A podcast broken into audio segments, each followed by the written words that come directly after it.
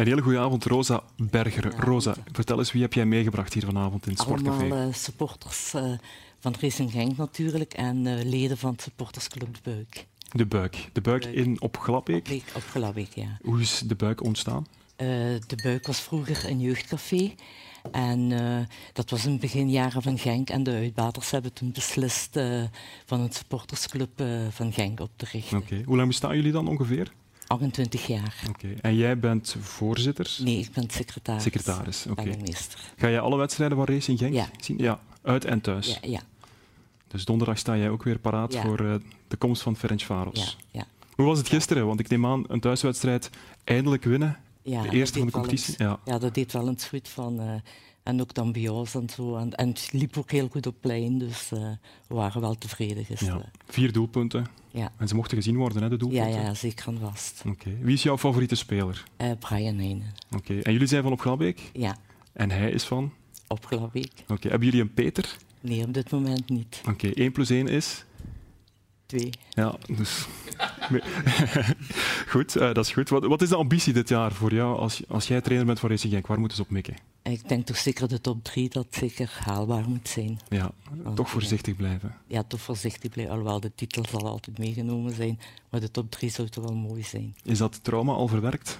Het Toby Alderweireld trauma? Ja, toch wel een beetje ja. wel. Van, uh, dingen. We moeten vooruit kijken en niet naar achteruit. En misschien sportieve wraak nemen?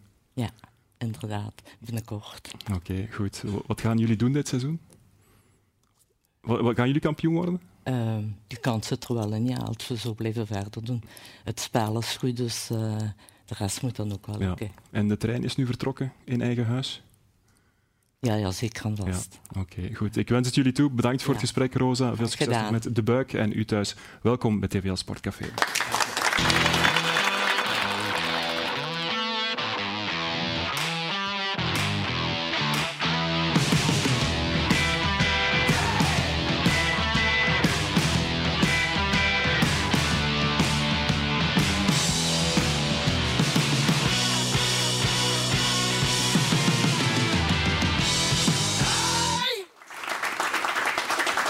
Een hele goede avond. Straks praten we met Quentin Seron van Hubo Limburg United over de blitzstart daar in de Alverberg. Maar eerst gaan we over voetbal praten en dat doe ik met onze nieuwe analist aan mijn rechterzijde, Valérie Courtois, en de aanvoerder van Racing Genk, Brian Heijnen. Goedenavond allebei. Welkom Valérie, welkom Brian. Ja, het is al gezegd, hè, eerste thuisoverwinning um, dit seizoen is een feit. In de competitie moet ik er wel bij zeggen. Dat moet deugd gedaan hebben. Uh, ja, we hebben er... Uh iets lang op moeten wachten. Uh, we hebben te veel gelijk gespeeld. Uh, er heeft in sommige wedstrijden meer in gezeten. Uh, maar ik denk dat we vaak een goede eerste helft en een slechte tweede helft of andersom hebben gespeeld. Ja, nooit die constante kunnen brengen in één wedstrijd. Ja, inderdaad. Ja. Jij vierde het gisteren met je kind, je dochter was het denk ik hè? Ja. ja. Speciaal moment wel denk ik, nee? Ja, we hadden uh, voor het seizoen gezegd van uh, als we winnen thuis, dan uh, pak ik ze een keer mee. En het was altijd uitstel geweest, maar het is leuk dat ik er een keer heb kunnen meenemen. En voor de rest van de avond, was het rustig in Genk? Of heb je een ja, voor, voor mij was het redelijk rustig. Ja. Een jonge vader, jij moet rustig blijven. Ja, voilà, een kleine minuut op tijd naar bed. Oké, okay, goed. Valerie, jij versterkt ons team. we kennen jou natuurlijk als Yellow Tiger, ook zus van Thibaut uiteraard. Je hebt brons gepakt tien jaar geleden op een EK met de Yellow Tigers. Word je daar nog vaak op aangesproken? Want het is nu tien jaar geleden natuurlijk. Ja, uh, goh, ik heb niet het gevoel dat mensen daar direct naar uh, verwijzen, maar dat blijft wel iets dat, uh, dat ze toch zich makkelijker herinneren dan, uh, dan andere matchen of dan andere successen. Dus dat is wel iets uniek om, om te hebben. Zeker als het zo terugkomt in een jaar dat de Yellow Tigers aan zet zijn, denk ik. Mm -hmm. ja, ja, inderdaad. Dan wordt er al eens, teruggeblikt op ja. vorige kampioenschappen. Ja. Hoe gaat het met Thibaut? Want we zijn natuurlijk in verwachting, uh, in beide verwachting van zijn terugkeer. Mm -hmm. uh, hij heeft natuurlijk een zware blessure opgelopen. Mm -hmm. Hoe gaat het met zijn herstel?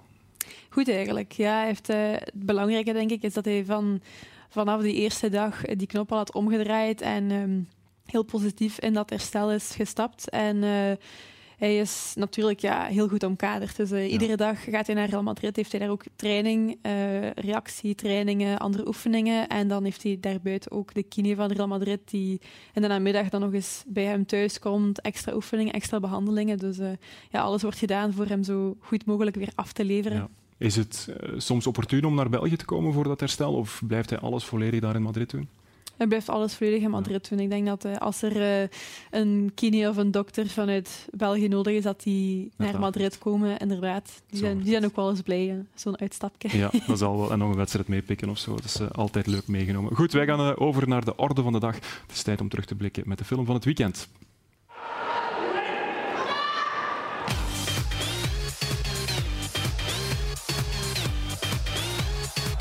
Zich winnen we nog altijd met 3-0 en inderdaad hebben we hier al uh, een paar keer afgezien ook. Ja.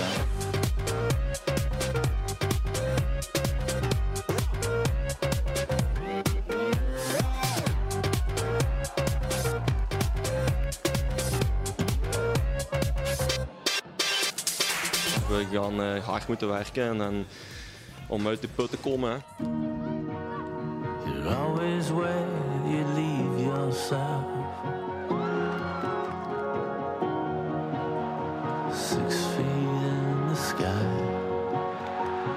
What can I say? That we are Santruiden and that will happen more often in the season. That's normal. That I, I told before, uh, I was not so positive.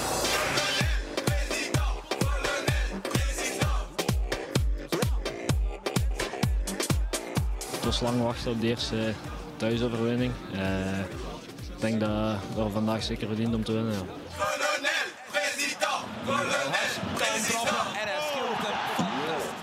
Ja, mooie goal van uh, Anouar Ait El Hadj, de vierde uh, gisteren, Brian. Heb je het gevoel, zoals Rosa, dat de trein nu vertrokken is?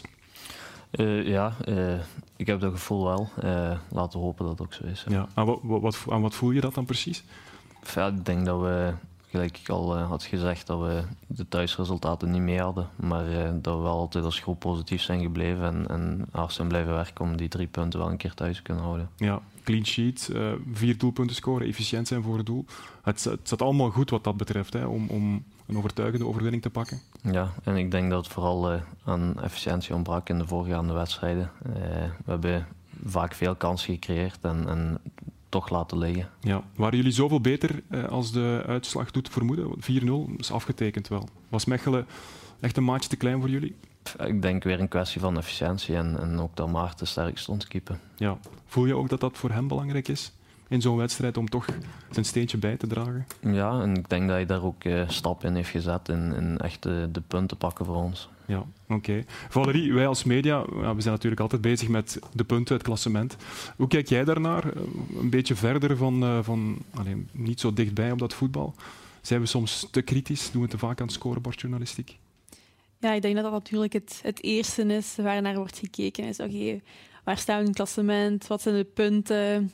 Dat is zo wat de weergave, terwijl er natuurlijk meer dan dat is. Uh, het is ook ja, uh, hoe de ploeg speelt, ook hoe de ploeg aanvoelt. Want uh, ik was eigenlijk gisteren um, in de tribunes, ik was gaan kijken naar de wedstrijd en van de mensen rondom hoort je wel van, ah ja, inderdaad, het heeft er al wel vaker in gezeten en gevoel dat ze dat eigenlijk een hele goede sfeer in die ploeg zit. dat alle spelers dat die goed aan elkaar hangen. En dat is ook iets dat heel belangrijk is om zo'n een heel seizoen op een goede manier vol te houden. En dat zijn zaken die niet overkomen puur uit punten of puur op zo. Nee.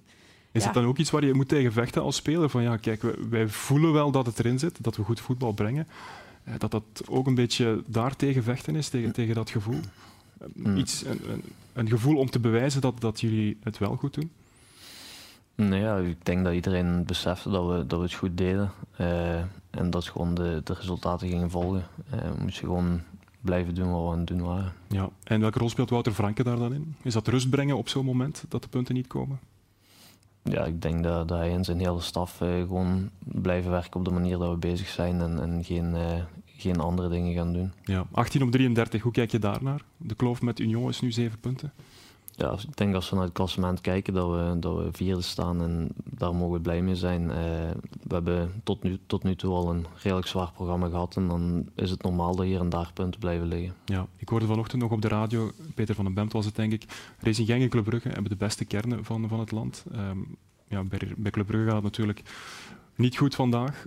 Heeft hij gelijk? Uh, is Racing Genk de beste of de tweede beste kern van, van het land? Heeft hij de beste, beste kern beter?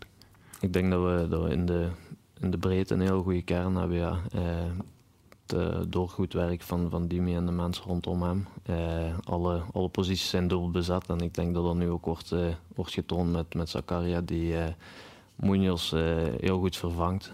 ik denk dat, dat Munoz een beetje het gezicht aan het worden was ja. van iemand die gewoon onvermoeibaar was. En ik denk dat Zakaria nu de voorbije twee wedstrijden ja. echt heel goed heeft gedaan. Ben je daarvan verrast dat hij er zo snel, ja, dat hij zich zo snel heeft aangepast aan jullie?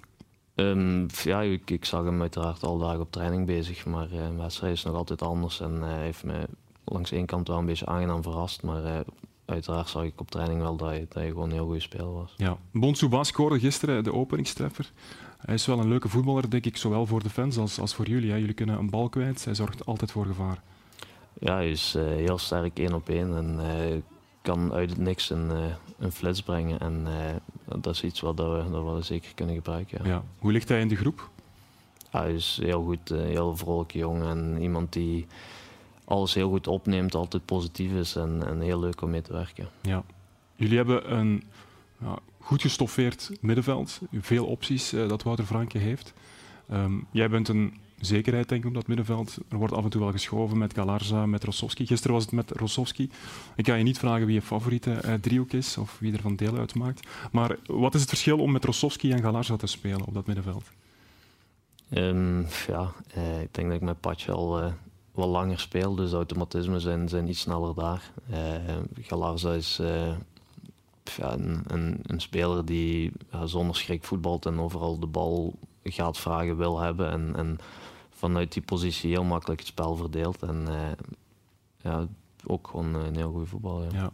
Kan je aanvallend meer je ding doen met Rossowski achter jou? Iets meer vrijheid? Ja, maar ook die, die automatisme. Ik kan iets, iets meer blind vertrouwen op, op, op Patje, omdat die automatismen er zijn. Oké, goed. Bilal El Kanous, daar moeten we natuurlijk ook over praten. Hij is aan een geweldig seizoen bezig. Hij heeft het nummer 10 gekregen. Hij lijkt er vleugels doorgekregen te hebben. Heb jij dat gevoel ook? Ja, ik denk dat als we vorig jaar uh, vorig seizoen bekijken, dat, dat misschien alleen zijn statistieken een beetje tegen zaten. En uh, je ziet dat hij nu helemaal is losgebroken. En uh, week na week toont dat hij nog altijd op jonge leeftijd, maar dat hij er gewoon staat en bevestigt dat, dat hij vorig seizoen ook gewoon heel goed was. Ja, hij, jij bent kapitein, maar hij begint ook zo'n beetje de aanvalsleider te worden. Hè? Voel je dat ook? Ja, hij zet heel makkelijk de lijnen uit en, en hij heeft graag de bal. Hij, hij verdeelt het spel goed. Hij ziet het spel ook gewoon heel goed. En uh, ja, hij is daarin zeker stappen aan het zetten. Ja. Vorig jaar kwam hij terug van het WK. Um, ehm, heb jij toen het gevoel gehad van, we zijn hem heel even kwijt? Mm, mentaal bedoel je? Ja? Nee, helemaal niet. Uh, hij is altijd met zijn voet op de grond gebleven en, en heeft heel makkelijk die, die knop kunnen omdraaien. En hij praat er meer uh, met trots over, zeg maar, dan, uh, dan op een andere manier. In, in, Antwerpen zijn ze al zeker wie de gouden schoen wint, hè, met Toby Alderweireld, de naam die jullie niet zo graag horen. Hm. Maar is hij een outsider voor jou? Bilal? Bilal? Um, ja, ik denk dat hij zeker een kanshebber is. Als hij, uh, ja, als hij zijn niveau van nu gewoon doortrekt, dan gaat hij zeker dichtbij zijn. Oké. Valerie, Brian is dit seizoen aan zijn negende uh, seizoen bezig bij Racing Genk. Hij is nog altijd maar 26. Um, je hebt ook een carrière gehad als volleybalster natuurlijk. Je hebt op een bepaald moment echt gezegd van ja, ik wil naar het buitenland. Uh, waarom was dat toen? Was dat de drang die zo groot was? Ja, dat waren twee redenen. Dat was eigenlijk de eerste al. In België is het eigenlijk als voor vrouwenvolleybal quasi onmogelijk om professioneel te spelen. Dus als je daar echt je werk van wilt maken, moet je naar het buitenland. Mhm.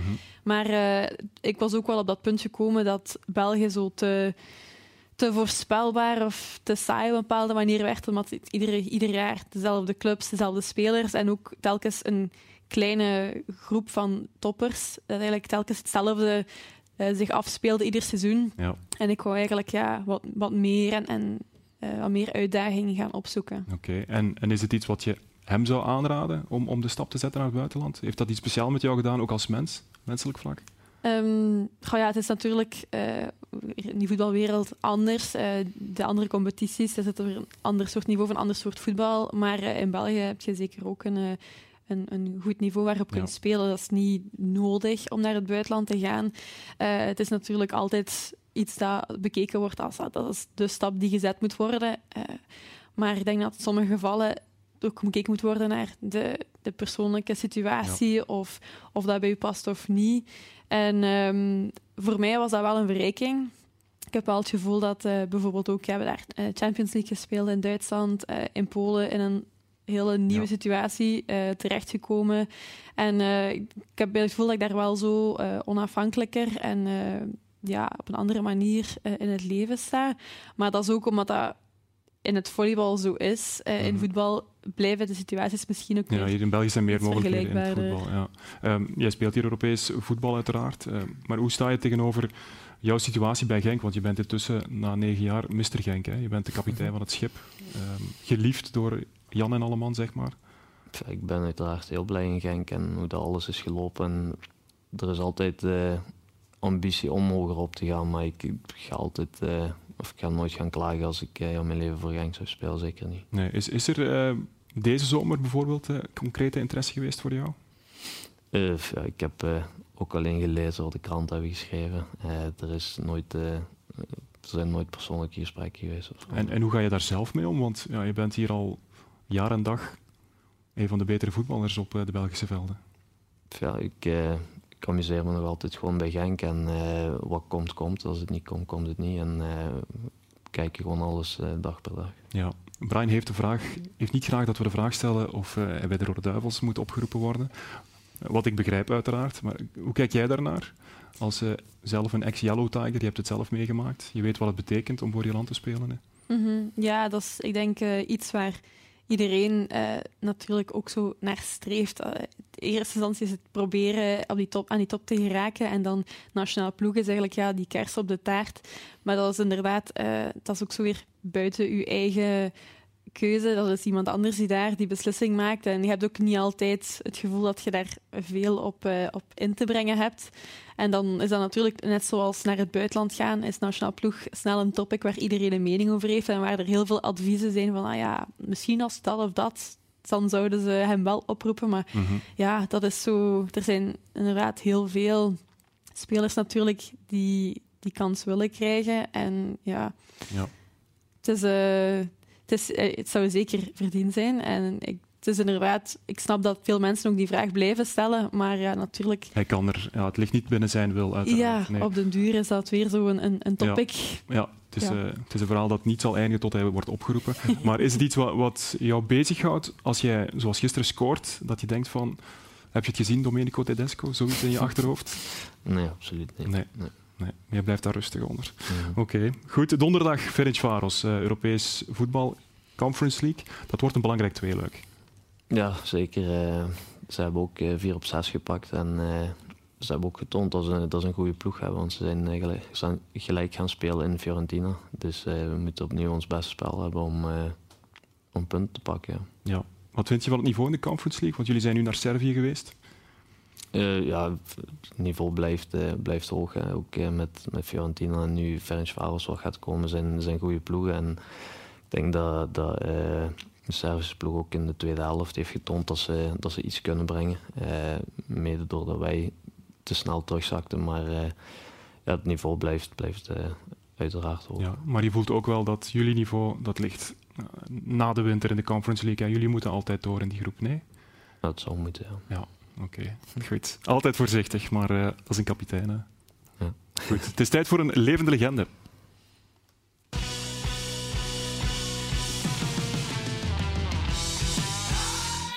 Een tennissprookje dat generatie heeft, heeft aangewakkerd. In 2001 stond ze voor het eerst in een Grand Slam finale en het zou niet haar laatste zijn. Ze is een van de grootste sporters die ons land heeft gekend en dat ze ook echt van het spelletje hield, dat eh, bleek een paar jaar geleden ook nog eens. Wat ging ik krijgen als ik de gouden schoen won? Tennissen. En wat ging, wat ging ik van laten leggen? Tennisplein. En tennisplein. De Waalse Justine Henne nam het op tegen de Limburgse Kim Kleisters, nummer 1 op de wereldranglijst voor jongeren beneden de 14 jaar. In de eerste set kon Justine Henne uitlopen tot 4-0. Kim Kleisters herpakte zich en dwong een tiebreak af, maar verloor toch de set met 7-6. In de tweede set werd de 13-jarige Kim Kleisters gedomineerd door de 1 jaar oudere Justine Henne. Het werd 6-3 voor Henne.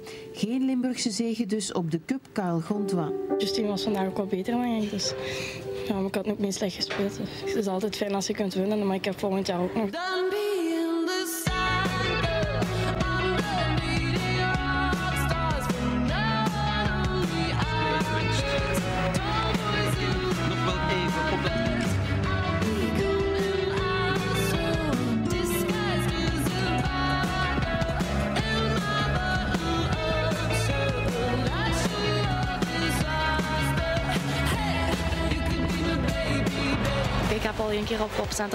Hier. Dus ik denk dat dat wel uh, een verschil gemaakt heeft.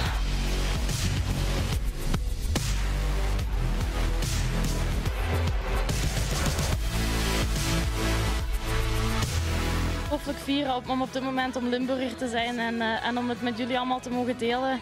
Um, dit is echt een heel speciaal moment en, uh, en daarom ben ik zo fier dat ik ook via, via TV Limburg eigenlijk um, al die, die leuke berichtjes heb mogen ontvangen. Daar is de bevrijding, de verlossing. Ze heeft dat juk van zich afgegooid en wint haar eerste Grand Slam toernooi hier in New York op de US Open.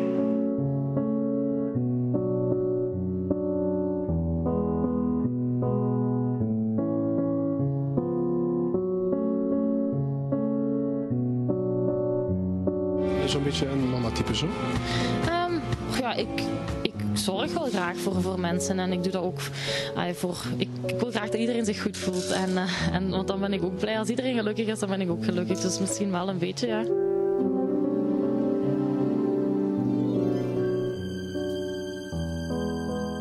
Kim Kleisters is de eerste tennismama sinds Ivan Goolagong in 1980 die een Grand Slam wint.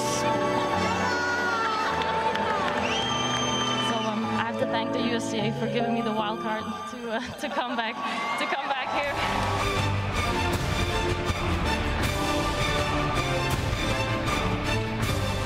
Yes, ze heeft hem.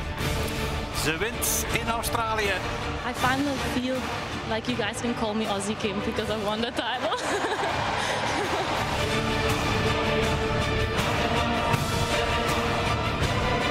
you know this completely feels like you know the perfect place to retire. Um, I just wish it wasn't today. What do I really want from life? For the past seven years, I've been a full-time mom, and I love it. I really, really do. Jada, get stop. Oatmeal met snottebellen. Ja, pak hem. But I also love being a professional tennis player. Are you thinking about a comeback, Kim? Any chance? Let's do this. Let's come back one more time. See you in 2020.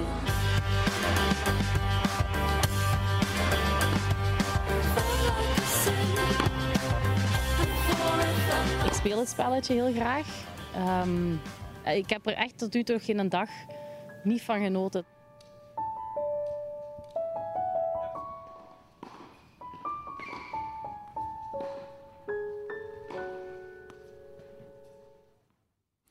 Kim Kleisters, een van de leading ladies van de Limburgse sport. En zij verdient uh, zeker en vast een plekje aan onze Wall of Fame. Evelien.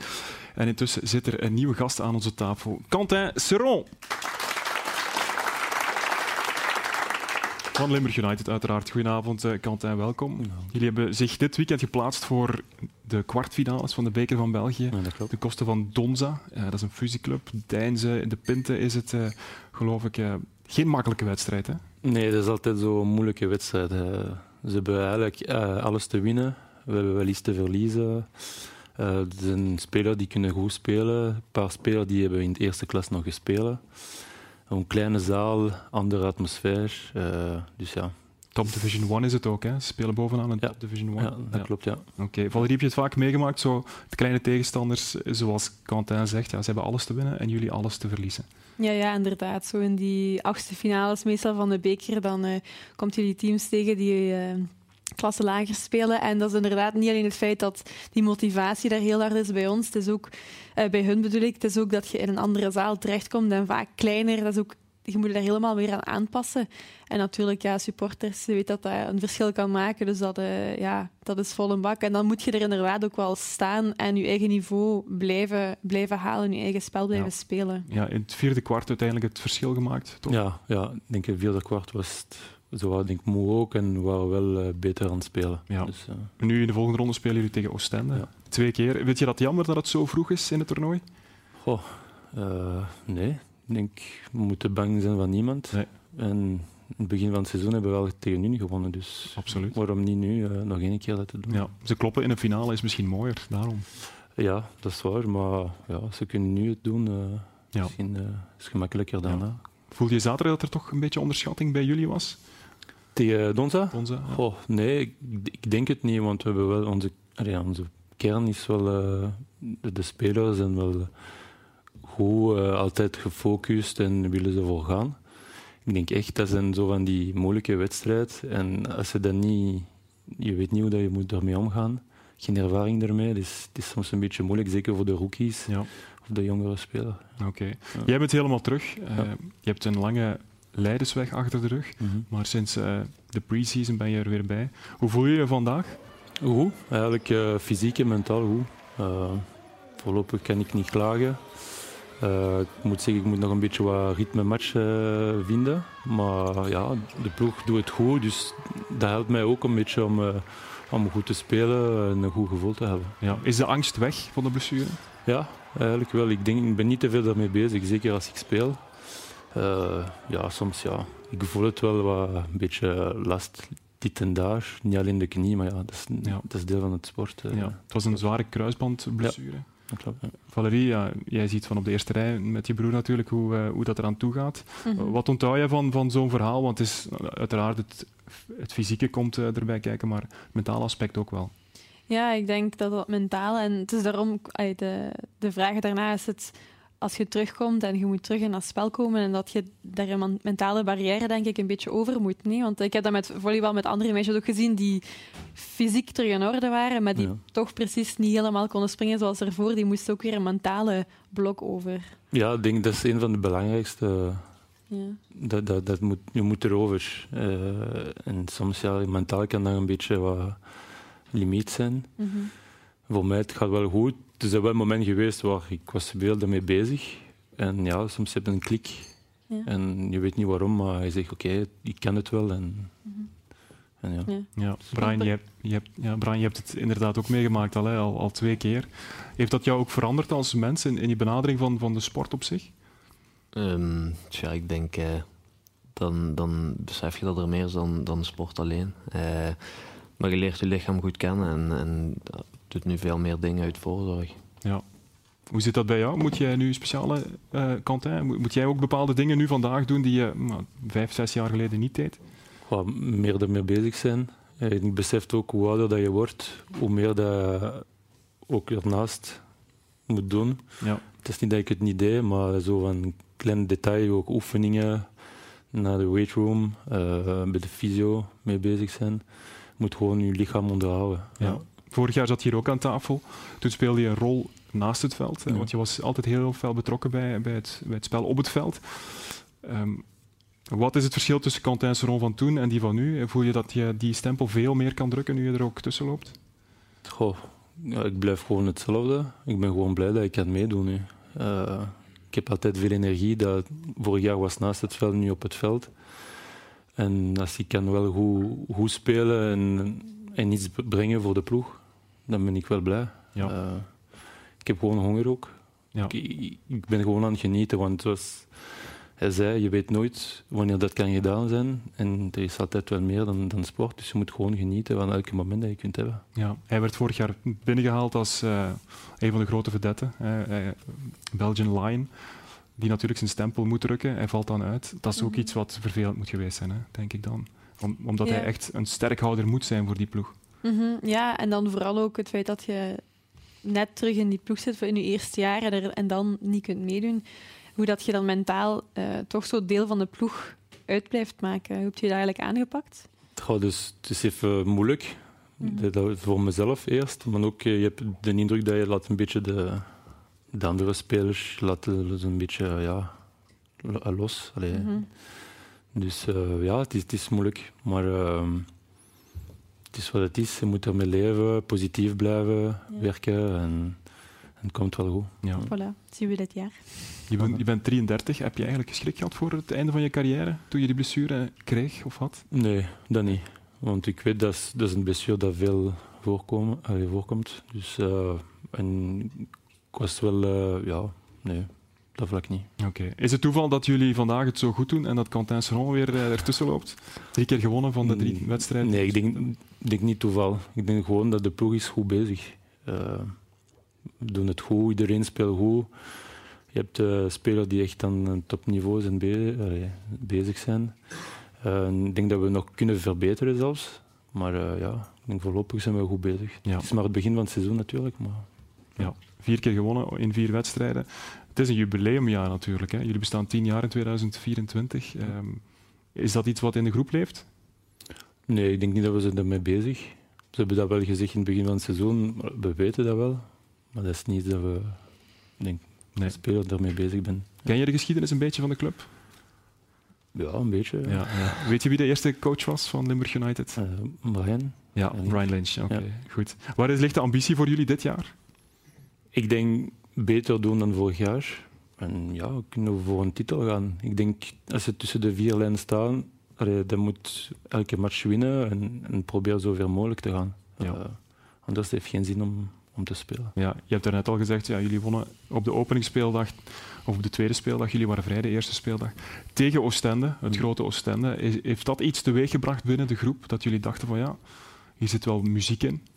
Ja, ik denk ook in het begin van het seizoen, voorbereiding. Je ziet dat we wel eh, een sterke ploeg hebben. Maar nu ja, het resultaat om te winnen tegen een sterke ploeg ook, geeft wel een boost, denk ik. Ja. En zien dat we kunnen wel... Oké, het is zoals ik zei, het begin van het seizoen, maar dat we al, al, allee, al de toestellen, moet ik zeggen, eh, om, om iets te maken van, Ja. van een mooi seizoen. Ja. Zijn jullie sterker dan vorig jaar? Ik denk het wel, ja. Ja. Een paar versterkingen en weinig, weinig verloren ook hè, qua sp- Ja, dus dat we hebben een kern kunnen houden van vorige speler eh, van vorig jaar. Ehm, en een paar nieuwe aanwinsten. Ik denk dat is- die zijn, die zijn goed voor ons. Ze zijn ook goed bezig, dus eh, ja, het is zeker positief. Oké. Valerie, volg jij de NBA? Eh, zo vanaf afstand een Ja, beetje, want- ja. Het komt er wel aan hè, met een Belg ook bij Ja, dit jaar, ja, ja. dit seizoen. Ja, inderdaad, dat had ik eh, gezien uit de draft. En dan nu, het is nu de komende week die eerste NBA-match. Dus ik ben wel benieuwd hoe eh, het voor hem zal gaan in zijn Ja. rookie-seizoen. Het is eh, altijd een beetje afwachten hoeveel speelminuten ze hebben en zo. Maar ja, het is, dat is dan niet dat ik zo wel opvolg. Ik denk ook dat er niet veel Belgen zijn die daarvoor dan s'nachts opstaan om matchen te kijken. Mijn, bro- mijn broer soms wel, Thibaut. Ja, ja, Camara, hè, dat is de naam van, van de Belg. Gaan we hem eh, vaak eh, te zien krijgen? Ga- gaat hij vaak... Ik hoop het. Ja. Ik hoop het voor de Belgische basket. En, eh, het is zeker goed voor, ja, voor, voor het land. Ja. Als hij kan meer, allee, hoe moet ik zeggen, ehm, ja, mensen brengen aan, aan basket te kijken. Want dat missen we wel, denk ik, in de basketbalwereld. Ja. Tegenoverstel van, van de voetbal. Dat Ja. is normaal, maar het zou wel leuk zijn. Ben je nog bezig met de Lions? Nee, om eerlijk te zijn, nu niet. Eh, ik denk mezelf, aan mezelf eerst. En dan we zien wel wat komt. Ja. Maar ik denk, ik moet eerst aan mezelf denken. Ja. En hoeveel procent zit je? Want je zegt, ik ben nog niet aan mijn topniveau. Dat is moeilijk gezegd om procent, maar ja, ik weet niet, 70. Ja. Maar eh, ik denk dat ik heb nog wat, wat te doen. Ja, want jouw coach heeft natuurlijk wel een band natuurlijk met de nationale ploeg, hè? Raymond West. Ja, assistentcoach geworden, ja. Ja, Praat hij daar soms met jou over? Eh, nee, niet te veel. Nee. nee. Hij is nu bezig met Limburg. Ik denk, die kan wel... eh, Ja. Jij zat ooit, ja, over de NBA gesproken, jij zat ooit in die draft. Nee. Nee, toch niet? Nee, dat is niet waar. Dat is foute informatie die je Ja, ik denk het wel. Ik zou het Ja. we- wel weten, maar Ja, ja oké. In 2012 is daar ooit wel een verhaal geweest, hè? Dat, dat jij niet dat ik weet. undraft bleef in, eh, in de NBA. Maar dat is, eh, is dat ooit bijna in de buurt geweest? Want je hebt natuurlijk in het buitenland gespeeld. Ja, Je hebt in Bilbao gezeten, je hebt eh, bij Gravelines lang gespeeld. in Frankrijk. Dus je hebt wel een bepaald niveau gehaald, hè? Ja, ja, maar was, ja, ik was 26, de eerste keer dat ik naar buitenland ging. Ja. Maar eh, ja, NBA, dat, Nee. of jullie moeten weten meer dan ik, maar Oké, nee. ik weet het niet. Oké. Goed, we gaan eh, verder. We gaan verder met voetbal. Het is tijd voor jong Limburgs voetbaltalent.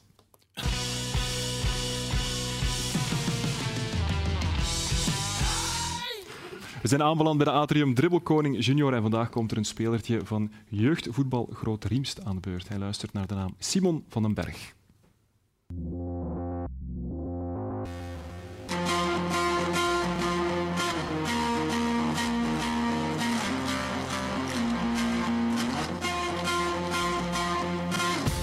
Ik ben Simon van den Berg. Ik speel bij JVGR Vleitingen.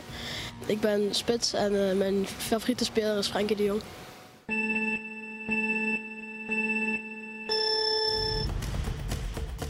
Simon is onderweg. Vijf blauwe schermen zijn weggewerkt, oké. Nu schieten.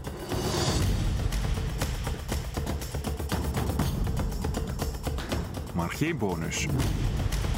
We gaan richting de kegels.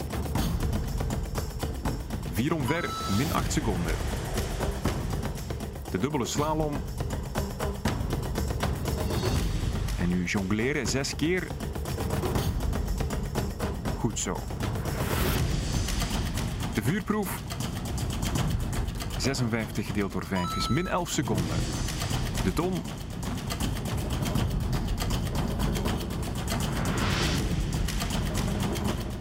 Doet hij in drie keer.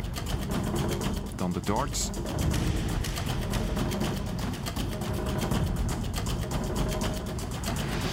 Dubbel 6, 12 gedeeld door 5 is min 2 seconden. De ladder gaat goed. Nu nog de volley. Prima, min 10 seconden. We gaan richting de finish. De bal ligt stil in 2.12.76. Daar gaan 31 seconden vanaf. De eindtijd voor Simon van den Berg van JVG Riemst is 1.41.76. Simon, Frenkie de Jong had het niet beter gedaan, denk ik. Ja, Ben je tevreden? ja. Ik vind het wel goed heb gedaan. Alleen het darts wordt voor jou zelfs nog iets te klein, hè? Ja. Dat is eh, een beetje mis. Waar hoop je te eindigen? Ja, de top 10. Dat hoop ik wel eh, te halen.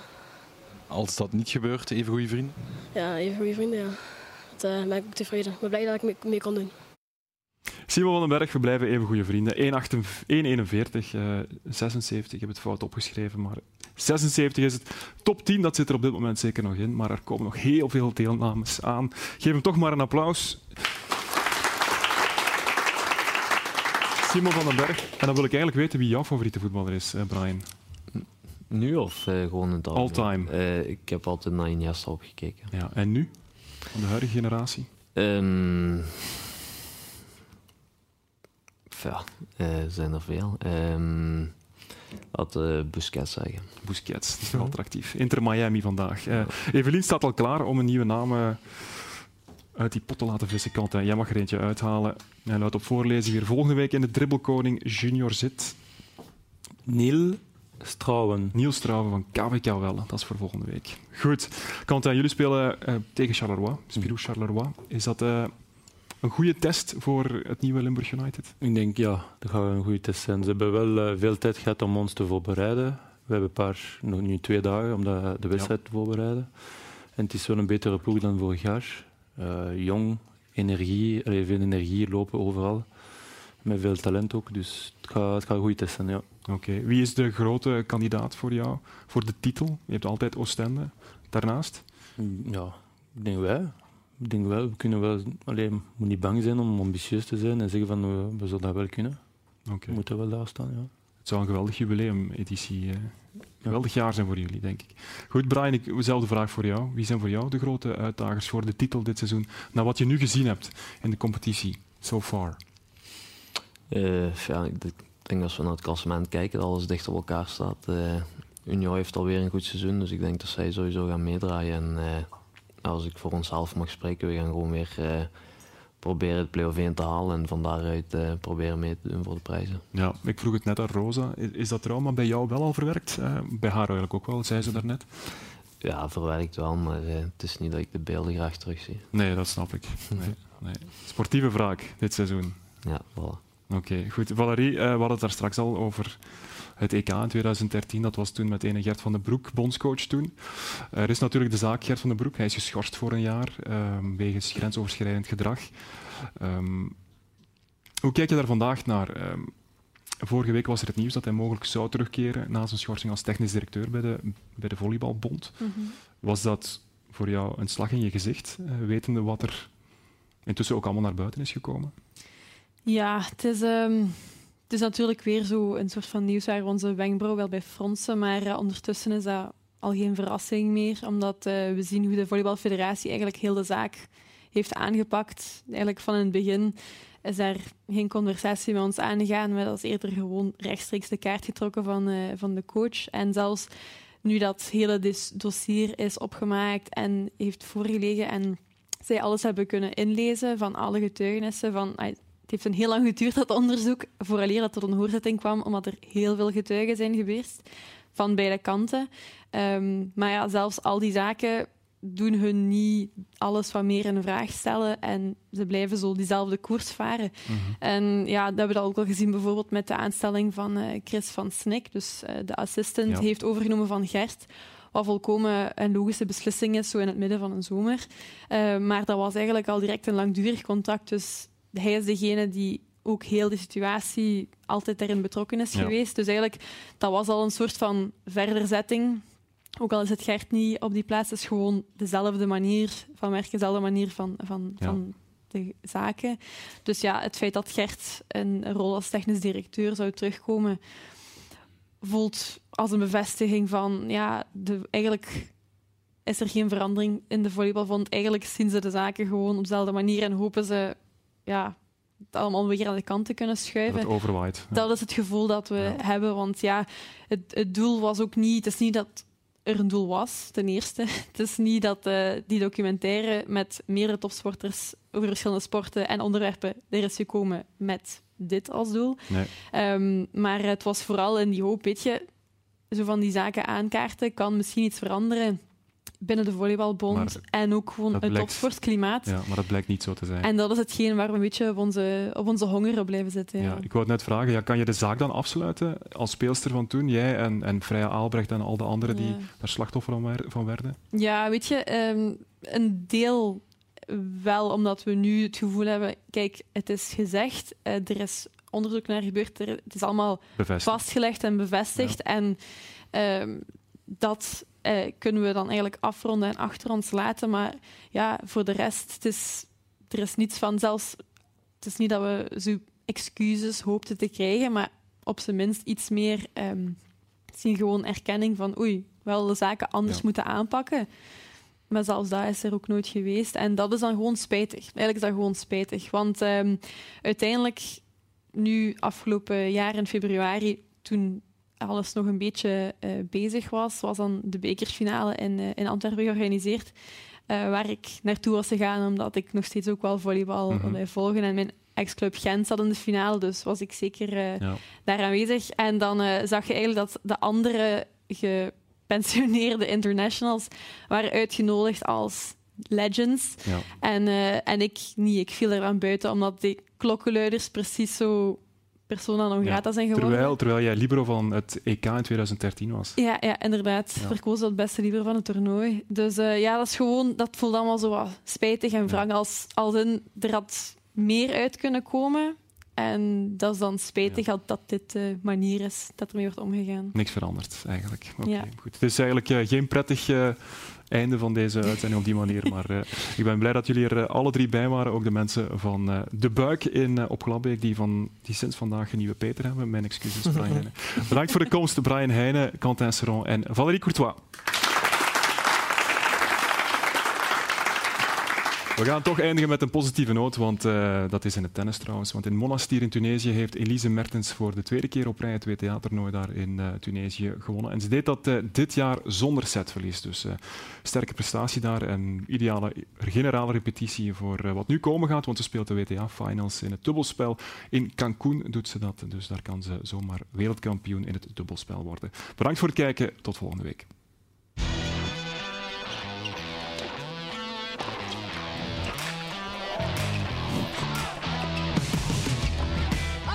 En ook hier komt ze erdoor, Elise Mertens. Ze wint voor het tweede jaar op rij hier het toernooi in Monastir.